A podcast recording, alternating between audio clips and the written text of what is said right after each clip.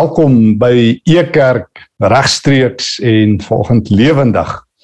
Ek weet dis beerdkrag ook vir baie ouens en baie mense gaan op na die tyd inskakel op ons Ekerk YouTube en Facebook platforms. Uh ek self is daarom dankbaar dat ons so 'n bietjie 'n paneel of wat het wat sonkrag maak en ons moes agter die skerms ook so 'n bietjie skuwe maak. Marcel help vir oggend wat ook een van ons tegniese kundiges is. En baie dankie ook vir elke een wat inskakel en dit klink daarom of my buurman se uh, kragopwekker nie te hard raas nie sê Marcel so jy gaan dit nie hoor nie. Kort en nie lank is welkom. Ons is besig met ons reeks oor Nehemia, die tweede uh, gedagte of tweede preek waarby ons vandag stil staan en kom ons vra dat die Here ook al die eer sal kry as ons nadink oor sy woord. Dankie Here dat ons ook op hierdie Sondagoggend u naam kan aanroep, u eer kan soek en vra dat u verheerlik sal word as ons uit die woord reis in Jesus se naam. Amen. Almal wil hê die wêreld moet anders wees. Jy kan vir enige iemand vra en hulle sê vir jou ek wens die wêreld kan 'n beter plek wees. Van skoonheidskoninginne tot matrikulante wat 'n toespraak iewers hou tot leiers sê die wêreld moet beter word. En almal wil 'n beter mens wees. Vra jy in die begin van die jaar vir enige iemand wat is hulle nuwejaarswens, dan wil hulle graag 'n beter mens wees. So almal wil die wêreld beter maak en almal wil self beter word. Maar vra jy vir iemand die volgende vraag, so wat's jou plan en hoe ver trek jy in jou plan om die wêreld en jouself te verander? Dan het jy 'n totaal ander gesprek. Almal wil die wêreld beter hê. Niemand het eintlik 'n plan hoe nie of min mense laat ek liewer sê. En die wat 'n plan het, het gewoonlik 'n plan vir iemand anders. Dit begin gewoonlik by ander mense, by hulle, by die wêreld, by die politici as hulle net verander, as die kerk net verander, as my vriende net verander, as my familie net wil verander. Nehemia het verskil. Ons het verlede week gesien Nehemia se hele lewe is kop onderste bo gegooi in een oomblik toe hy 'n pyn gekry het, 'n hemelse las. Met eens het hy sy topwerk bedank as die grootste magtigste koning in daardie stadium in die hele wêreld, Artasaksa, Artaxerxes, uh, hy het sy werk bedank, teruggekeer na Jerusalem toe want die las wat God vir hom gegee het vir sy eie mense het soos 'n vuur in hom begin brand. Hy het 'n pyn gekry. Toe het hy 'n plan gekry om die vernedering wat sy mense daar in Jerusalem beleef uh op te hef en hy het sy plan begin uitrol. Ons sluit vandag by Nehemia aan oor hoe om 'n plan doener te wees, hoe om 'n probleemoplosser te wees en hoe om 'n pryser, 'n lofpryser vir God te wees. Nehemia wanneer hy terugkeer na Jerusalem toe daar rondom die 4 um 400 uh, 440 tot of 465 tot 400 voor Christus 440 voor Christus is uh, die koning vir wie hy gewerk het aan diens en in daardie tyd as hy terugkom en hy begin in Jerusalem rondloop dan roep hy die die volksleiers bymekaar in vers 16 van hoofstuk 2. Die amptdraers het nie geweet waarheen ek was en wat ek gedoen het nie. Dis nadat hy nou so verkenning deur die stad gedoen het, deur Jerusalem. Tot dusver het ek niks laat blyk teenoor die Judeërs, die priesters, die vooraanstaande burgers, die amptdraers of ander wat die werk moes doen nie. Maar toe sê ek vir hulle: Julle self sien die benarde toestand waarin ons sit. Jerusalem lê in puin en sy poorte is verbrand. Kom ons herbou die muur van Jerusalem dat die vernedering nie langer op ons rus nie. Ek het hulle vertel hoe my God sy goeie hand oor my gehou het en wat die koning vir my gesê het. Hulle het gesê, "Kom ons bou." En hulle het die goeie werk aangepak. Nehemia is 'n plandoener. Hy maak sy pyn bekend, sy las bekend. En met eens koop almal in want dit is 'n pyn wat die Here gegee het. Kom ons vat die vernedering van ons mense af weg. Hoe? Deur 'n muur te bou. So, ja, ons almal stem saam, dinge kan nie so aangaan nie. Ja, ons almal stem saam. Ons wil graag beter gelowiges wees. Hoe? In Nehemia se geval, kom ons bou 'n muur rondom die stad. Kom ons doen net iets. Kom ons sit nie en wag vir 'n beter dag nie. Kom ons bou, kom ons skep daardie beter dag. Te veel mense sit hulle lewe om. Te veel mense het planne, soos ons vir mekaar gesê het, maar kry dit nooit uitgerol nie. Dit is 'n dodelike manier hoe om jou lewe om te bring en deur te bring. Ek bedoel sielsdodend. Ek herinner my altyd aan die woorde van ons Here Jesus daar in uh, Matteus 7. En en en en hierdie teks het net vir my in die afgelope tyd 'n uh, nuwe betekenis gekry in my eie lewe. Uh, asof die Here 'n groter dringendheid in my eie lewe gebring het. En en ook hierdie vraag van Matteus 7 vers 21 waar Jesus sê: Nie elkeen wat vir my sê Here, Here, sal in die koninkryk van die hemel ingaan nie, maar hy wat die wil van my Vader doen wat in die hemel is. Baie sal op daardie dag sê Here, Here, het ons nie in U naam gepreek en duiwels uitgedryf en so voorts nie, dan sal hy sê ek het julle nog nooit geken nie.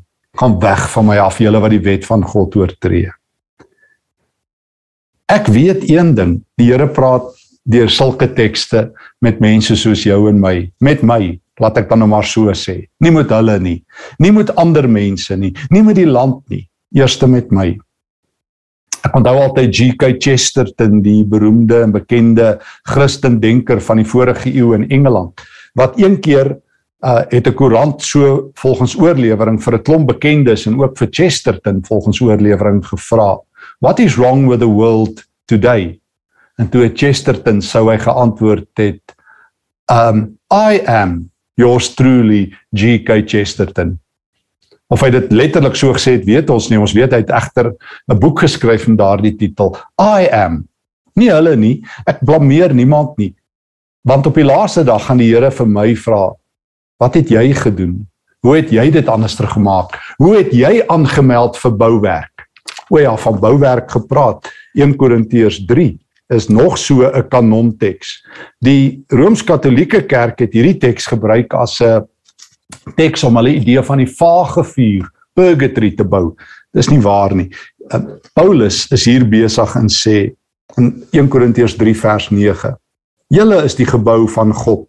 Volgens die genade wat God my gegee het, het ek soos 'n goeie bouer die fondament gelê en 'n ander bou daarop. Maar jy moet mooi kyk hoe hy verder bou, want niemand kan 'n ander fondament lê as wat reeds gelê is nie. Die fondament is Jesus Christus. So Paulus sê die oomblik as jy 'n las van die Here kry, is jy 'n bouer. Dan is jy meld jy aan om te bou. Ja ja, ons almal ken bouers en 'n paar van julle wat inskakel is selfs in die boubedryf. Maar het jy geweet ons elkeen die oomblik wanneer God met ons kom praat en sê kyk hoe lyk my wêreld, kyk hoe lyk my land, kyk hoe lyk die straat voor jou by wyse van spreuke. Kyk hoe stikkend is mense se geestelike huise. Jy is nou beopdrag om te bou. En hoe gaan jy dit doen? Paulus sê, soos 'n goeie bouer het ek die fondament gelê, Jesus Christus. Hy sê nou moet jy mooi kyk hoe jy verder bou. Das das Paulus noem drie soorte boumateriaal op wat hy net hierna noem wat vuurbestand is, fireproof en drie soorte boumateriaal wat nie vuurbestand is nie. Hy sê of dit goud, hier noem hy dit in 1 Korintiërs 3 vers 11.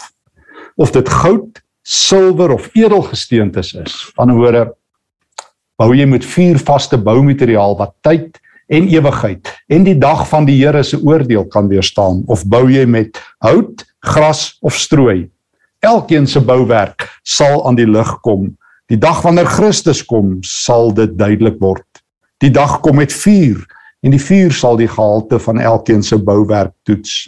As iemand se bouwerk bly staan, sal hy sy prys ontvang by die Here. En as dit verbrand, sal hy gered word, maar soos iemand deur die vuur wat uit die vuur geruk word. Kortom, dit wat ek nou doen, het ewige effek. Dit wat Nehemia besig is om in Jerusalem te doen, het ewige effek. En die Here sê vir Nehemia: "Nehemia, jy moet mense kry sodat hulle begin bou en hulle moet bou met boumateriaal wat ek verskaf. Goud, edelgesteentes, en uh kosbare materiaal. O en dan kom Matteus 7 wat ons gelees het. Ek weet baie mense gaan op die laaste dag sê, Here, maar jy moet net onthou ek was een alleen. Here, ek het nie Anglo-American se geld agter my gehad nie, dis maar net ek. Here en u weet hoe swaar het ons kerk gekry. O ja, Here, en u onthou werkloos ek was. En Here, toe onthou jy, toe kom die koronavirus. Here, en u verstaan nie hoe moeilik was my familie nie. En en en en en ek het nie geweet nie want ek het baie keer net gewonder hoe gaan ek iets vir u gedoen kry. En dan sal die Here sê: "Jy slegte diensknegt. Ek het vir jou alles gegee wat nodig is. Het ek nie my Heilige Gees aan jou gegee nie? Stefan, het ek nie my Heilige Gees in jou lewe uitgestort om jou in die volle waarheid te lei nie? Het ek nie gesê ek is by jou al die dae van jou lewe nie? Hoekom het jy gesit en wag op 'n beter dag? Vandag is aldag en die enigste dag en die regte dag. Begin net bou. Begin net bou. En nou wil ek vir jou sê in die naam van die Here en vir myself hier op 24 Oktober van die jaar van ons Here 2021. Die Here kom deur Nehemia en deur Paulus en deur ons Here Jesus en sê kom ons begin bou. Jy sê jy het 'n pyn, jy het 'n las. Dit kom van die Here af. Vandag is die dag om te begin bou. En dis wat die volk doen as Nehemia die visie van die Here met hulle deel in 1 uh, Nehemia 2 vers 18. Kom ons bou, het hulle uitgeroep. Kom ons gebruik die beste boumateriaal. En daar en dan het hulle begin bou. Die volk van God word beweeg. Jy sê die land kan nie verander nie. Jy sê lewens kan nie verander nie. Nehemia kies om te verskil. Hy stap in 'n stad in waar alles in pyn lê, waar die mense sê dis klaar met ons en deur een man wat die vuur van God in sy hart het, verander 'n hele volk se geskiedenis een aand.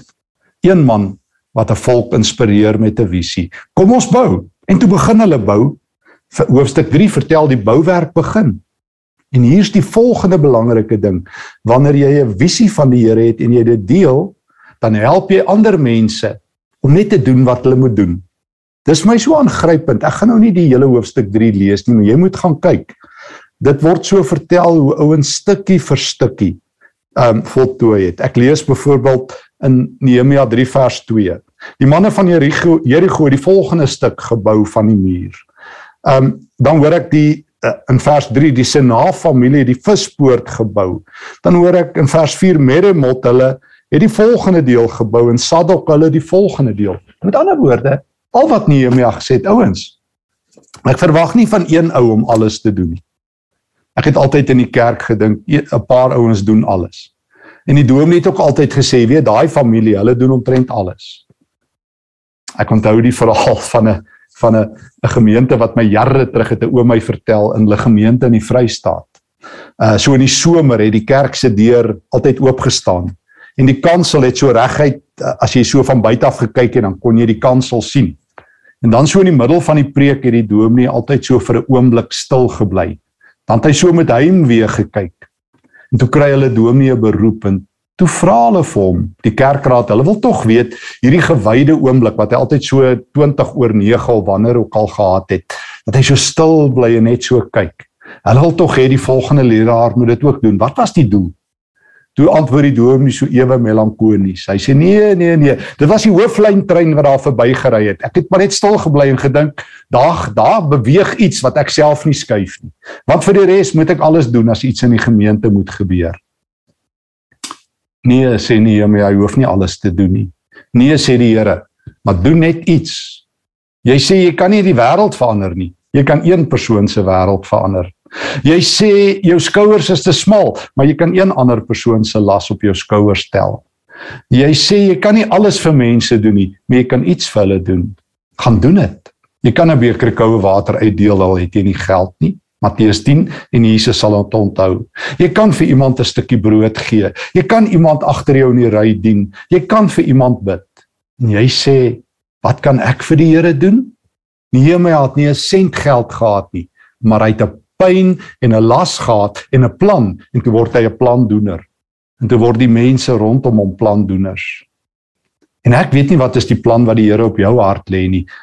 Iemand sê nou die dag vir my, jy help ons nie genoeg nie. Ek sê maar ek kan nie in jou skoene lewe nie. Maar as die gees van die Here in jou lewe is, sal hy vir jou wys wat jy moet doen. En ek dink baie mense se verskoning is juis ek weet nie wat om te doen nie. Maar gaan doen net iets, gaan bou net die muur voor jou. Stap oor die straat en gaan wees 'n buurman vir jou bure. Stap uh, oor die kantoorspasie en vra vir iemand, hoe was hulle naweek? Kan ek vir julle bid? Stap na 'n leerling toe as jy 'n onderwyser is en tel hulle nood op jou skouers. Vra vir hulle hoe gaan dit met hulle ouers wat swaar kry en bid vir hulle. Stuur vir iemand 'n bord kos. Bou net die stukkie voor jou. En as jy breë skouers het, bou ook sommer namens jou bure en ander gelowiges hulle stukkie van die muur, maar doen net iets. Vandag is aldag die enigste dag en die regte dag. Vandag is die dag om iemand se wêreld te verander. Onthou ek het al vertel van daardie een Amerikaanse smeermiddel olie vir die motor engines wat ek een keer in Amerika hulle spreekwoord gesien het, Jiffy Lube. Ek onthou dit tot vandag toe. We don't want to change the world, we just want to change your oil. Nou ja, ek wil nie die wêreld verander nie, maar as ek vir jou 'n bord kos gee, jou las op my skouers stel, 'n sagte woord met jou deel, dan verander die wêreld. Stukkie vir stukkie vir stukkie. Dan word jy en ek familie en dan dra ons mekaar se laste. Nehemia word 'n plan doener dis die eerste belangrike ding. En hy weet en jy en ek weet nou God gaan eendag vir ons vra wat het jy vir my gebou Nee Here, ek het niks gehad nie, gaan nie help nie. Nee Here, ek was te swak, te onkundig. Ek het nou nie u Bybel so goed geken nie en ek het nou nie sulke groot geloof gehad nie. En die Here sal sê, jou slegte dienskneg. Jy het my genade deur jou vingers laat val. Jy het die talente wat ek vir jou gegee het uh, onder die grond gaan begrawe. Woeker, doen net iets en die hemel sal oop wees. Moeder Teresa het begin om siek mense by te staan en uh dit het oop gegaan. William Booth het begin om Engelse kos te gee. Andrew Murray het begin wag op die Here en toe dinge begin gebeur.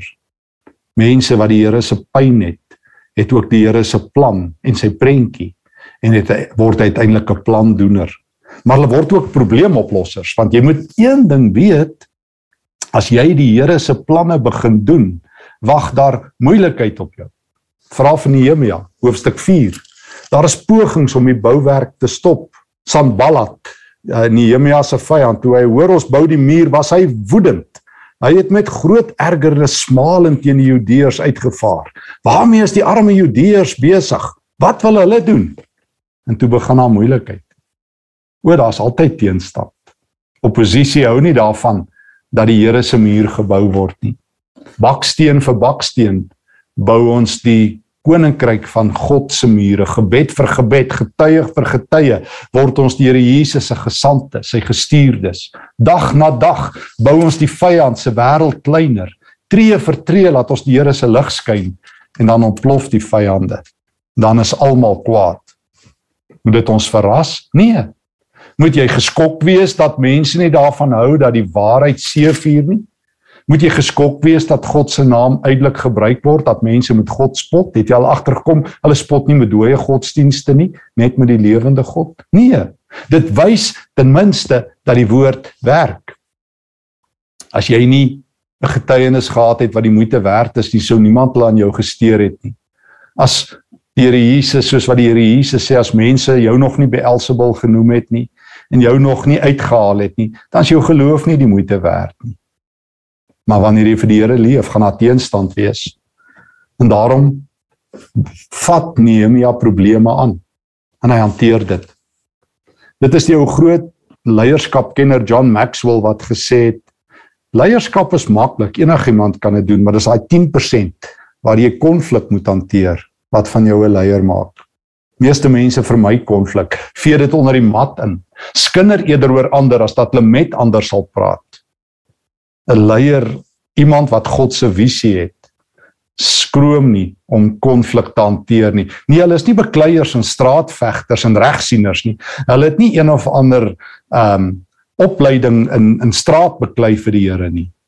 Paulus sê juis 'n dienaar van die Here twis nie, maar met sagte woorde wys ons mekaar reg. Paulus sê vir Timoteus jy vermaan ouer persone asof dit jou pa is en jonger persone asof dit jou broer is en jou moeder is. Maar dat jy konflik hanteer is 'n feit. Jy bel nie die dominee en die pastoor as die local 911 nommer. Dis een van die dinge wat my in die kerk so gevang het toe ek 'n jong ouetjie was. Almal het hulle probleme myne gemaak en dan weggestap. Matteus 18 sê as jou broer struikel, moet jy met hom gaan praat. En as jy dit nie doen nie, gaan die Here bietjie met jou praat daaroor. Hoekom was jy nie 'n goeie bouer in van iemand anders se lewe nie? Hoekom het jy met hout en hooi en stoppels gebou en nie gaan praat nie? Nehemia doen nog 'n ding in hoofstuk 5. Hy spreek sosiale onreg aan. Hy kom agter in hoofstuk 5 dat Israeliete mede-Israeliete as slawe gebruik en dat ryk mense trap op uh, arme mense en hulle skuld nie afskryf nie. Nehemia sê in hoofstuk 5 vers 6 ek was hewig ontstel toe ek hiervan hoor. Ek het die skuld op die vooraanstaande burgers en amptenare gelê en sê julle byt julle volk of mense uit. Julle volksgenote en toe het hy 'n volksvergadering gehou en hy het vir hulle gesê so kan dit nie gaan nie. Intussen het Nehemia aan die einde van hoofstuk 5 self sy eie geld gegee om mense te help. So wat kos jou visie jou? As jy nie 'n visie het wat jou hande kos, jou geld kos, jou tyd kos en jou energie kos nie, is jou visie vir die Here te klein. As jy vir my sê jy dien die Here na ure, Jy gee jou geld uit jou oorblywende geld. Dit moet jou iets kos. Jou geld moet 'n offer in die hande van die Here wees. Dit moet maak dat as ek iets vir die Here gee, o, nou kan ek iets minder vir myself koop. O, as ek hierdie tyd gee, het ek minder tyd om op myself uit te spandeer. So Nehemia sê in hoofstuk 4 en 5, sy visie het hom gekos. Hy sê hy het self sy hande stikkend gewerk My hands are rough from working on a dream met ek vlere week verwys na Bruce Springsteen. So wat kos jou droom jou? Of maak jy dit net ander ouens se probleem? Of wag jy vir ander ouens? Nehemia daag jou en my uit om skouer aan die wiel te sit. Om 'n plandoener te wees en 'n probleemoplosser. So wat is die probleem? Die vyande begin spot. Dan doen Nehemia iets. Hy bewapen sy mense en hulle bou die muur. Hy los die probleme op as hy hoor arme mense word uitgebuit, word hy die stem vir die stemloses. Hoeveel arme mense beskou jou as hulle vriend omdat jy vir hulle in die bres tree? Hoeveel stemloses word deur jou verteenwoordig? Of stap jy net verby? Maar dan laastens Nehemia kry die volk tot lofprysing. Hy word 'n lofpryser. Hy fokus mense weer op die lewende God. O, dis aangrypend. Die muur staan uiteindelik. Die muur is voltooi, hoor ek in hoofstuk 6. En as die muur voltooi is, hoofstuk 8, is hoop weer in die stad. Mense tel hulle koppe op. Nehemia bring vir Esdra in om weer die woord uit te lê en daar kom 'n loofhuttefees en 'n vasdag kort en lank is God word weer geprys en God word weer gedien. Dit is die doel van enige visie wat God gee. So jy sê jy wil die wêreld beter maak en jy wil self 'n beter mens wees soos meeste sê. Weet jy hoe lyk dit? Weet jy hoe lyk 'n beter mens in 'n beter land en 'n beter stad? Waar mense hulle koppe optel en God sien waar God weer geprys word. Jy moet dit gaan lees hoe die volk en die leviete weer in hoofstuk 9 by die vasdag en voor dit God eer. Maar ook hoe ander mense deur die visie wat Nehemia het, hulle buig voor die Here. God word weer aanbid. Mense noem dit herlewing in die klassieke term uh, uh in sin van die woord. Wanneer mense weer nuwe lewe het, God se lewe O. En en daar's nie 'n model nie. En daar's nie soos die Engelse sê 'n quick fix nie. En ons kan nie die verlede net so herhaal nie. Maar die een ding weet ek, jy en ek is geroep om ons eie lewe op God te vestig, om ander mense te dien, om die Here se bouers te wees wat in ander mense se lewens bou. En ons het dit goed gedoen en ons het dit reg gedoen en ons het dit verantwoordelik gedoen wanneer iemand anders kan sê deur jou deur jou bekertjie koue water het ek die Here gesien te danke aan 'n gebed wat jy vir my gebid het het daar 'n venster op God oopgegaan te danke aan 'n Esdra wat die skrif vir ons uitgelê het, het ek die Here beter gehoor. Want dit is jou en my roeping om die Here se bouers te wees. En en en en ons is hier vir ander mense. Ons is nie hier vir onsself nie. So die toets is Nehemia, het jy 'n volk geseën deur jou lewe? En hy kan daarop ja sê. Hy kon lekker in sy eie gerief daar in die mooi land gebly het, maar hy teruggekom en sy volk se laste op sy skouers gesit en hulle kom dien. Daar waar jy is vandag op hierdie plek waar jy is. Dalk is dit buite Suid-Afrika, dalk in Suid-Afrika. Kom klop die Here aan jou deur en sê ek het 'n las vir jou. Gaan jou lewe verander. 'n Pyn, 'n ondraaglike pyn en al maniere hoe jy hierdie pyn sal kan hanteer is dat jy 'n prentjie moet sien dat dinge kan beter wees vir ander mense en vir jouself. En dan gaan jy 'n plandoener word, die derde P, 'n plandoener. O, dit gaan moeilik wees, jy gaan probleme raakloop. Die vierde P in in Nehemia se lewe en in jou lewe. Jy gaan baie probleme hê. Maar as jy aan my gehoorsaam is, if you do it well, as jy op my pad bly, sal prys en lof uitbreek, die vyfde P, van 'n pyn tot 'n prentjie tot 'n plan tot 'n plandoener tot prys en lof aan die Here. So lyk 'n goed geleefde lewe. So lyk die pad van die Here in Nehemia se lewe. Nou kom vra die Here hier in 2021 en 2022 wat op pad is vir jou en my. So jy sê uh, die wêreld is de mekaar. Dit was nog erger in Nehemia se tyd. So jy sê ek die lewende God kan nie omstandighede verander nie. Gaan lees die verhaal van Nehemia en kyk hoe tel hulle volk weer hulle koppe op deur een man wat gehoorsaam was aan die pyn wat hy ervaar het. Ek wil afsluit. Onthou jy ons het verlede keer vir mekaar gesê ou Popeye, daai ou strokies karakter het op gebroke Engels elke keer as ou broete so kom lol het met hulle. Het hy daai blikkie spinasie geëet want hy gesê I can't stand no more. Ek kan dit nie meer vat nie. Something has to give. En ek meld aan vir diens. Paulus het aangemeld, Josef het aangemeld, Abraham het aangemeld, Jeremia het aangeld, miljoene gelowiges deur die eeue het aangeld. Nou sit jou en my diensbeurt in 2021 en die Here sê: "Wat is jou pyn? Wat is jou prentjie? Wat is jou plan? Hoe ver trek jy met jou plan as jy 'n plandoener?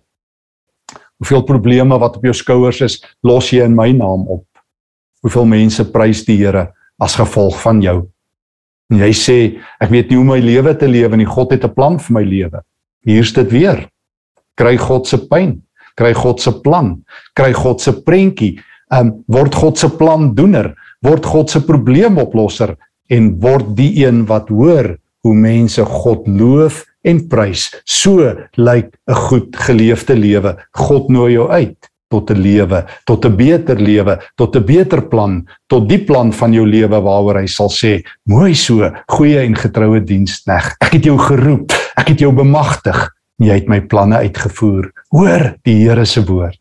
Amen. Dankie Here dat ons ook op hierdie dag kan aanmeld vir diens. Geef vir ons 'n las, al is dit 'n las vir ons familie, 'n las vir 'n vriend, 'n las vir my straat, 'n las vir my werk, 'n las vir my land, maar Here, as U vir my 'n las gee, gee ook vir my U prentjie en U plan.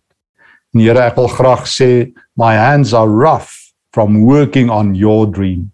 My hande is rof want ek werk tans hard aan U plan. Geef my 'n dringendheid. En bo al Here gee dat ek die moed sal hê om probleme aan te spreek En Here dat ek rondom my lof en aanbidding sal hoor van mense wat besig is om U te prys omdat U plan besig is om uit te rol. Hoor ons in Jesus naam. Amen. Tjoe, groot dag. Voorreg om saam te gereis het regstreeks hier op E Kerk. E Kerk is uh, al meer as 18 jaar in die gang en ek dank die Here so ook vandag vir my ook sommer net 'n spesiale dag en ek dank die Here vir E Kerk wat al oor die 18 jaar kom en vir elkeen wat betrokke is by E Kerk baie dankie dat ehm um, jy op baie maniere betrokke is by ons. Dankie vir jou saamreis. Ons doen weer Woensdag aand Bybelskool saam met die Lukas Evangelie. Vrydagoggend ons volgende Psalm wat ons aandurf 4 November kan jy inskakel op Ekerk se digitale learning community. Louis Giglio van Amerika, wonderlike man van die Here gaan praat vanuit sy nuwe boek The Enemy at the Table. Neelis Jansen van Rensburg en um ek self en Letty Boegner ook gaan praat oor 'n lewe van heiligheid. Ons wil praat oor die publieke en privaat lewe van 'n gelowige en 'n Christen leier. Hoe kry ons dit reg om heilig te lewe? Dis gratis, maar jy moet registreer. Val in en jy is so welkom om uh, by al die ander dinge van u kerk betrokke te wees. Ontvang die Here se vrede en gaan leef in sy genade. Vrede vir jou. U kerk se hardloop is om Jesus sigbaar, voelbaar en verstaanbaar te maak. Ons wil jou graag uitnooi om ook by u kerk finansiëel betrokke te raak. U kerk se noodprogramme is in hierdie tyd van corona volspoed aan die gang. Jou geldelike bydrae maak dat ons meer vrygewig kan wees. Jy kan 'n bydrae maak deur middel van SnapScan, Zapper of EFT met die bankbesonderhede wat op die skerm verskyn. Hierdie inligting is ook by www.ekerk.org beskikbaar.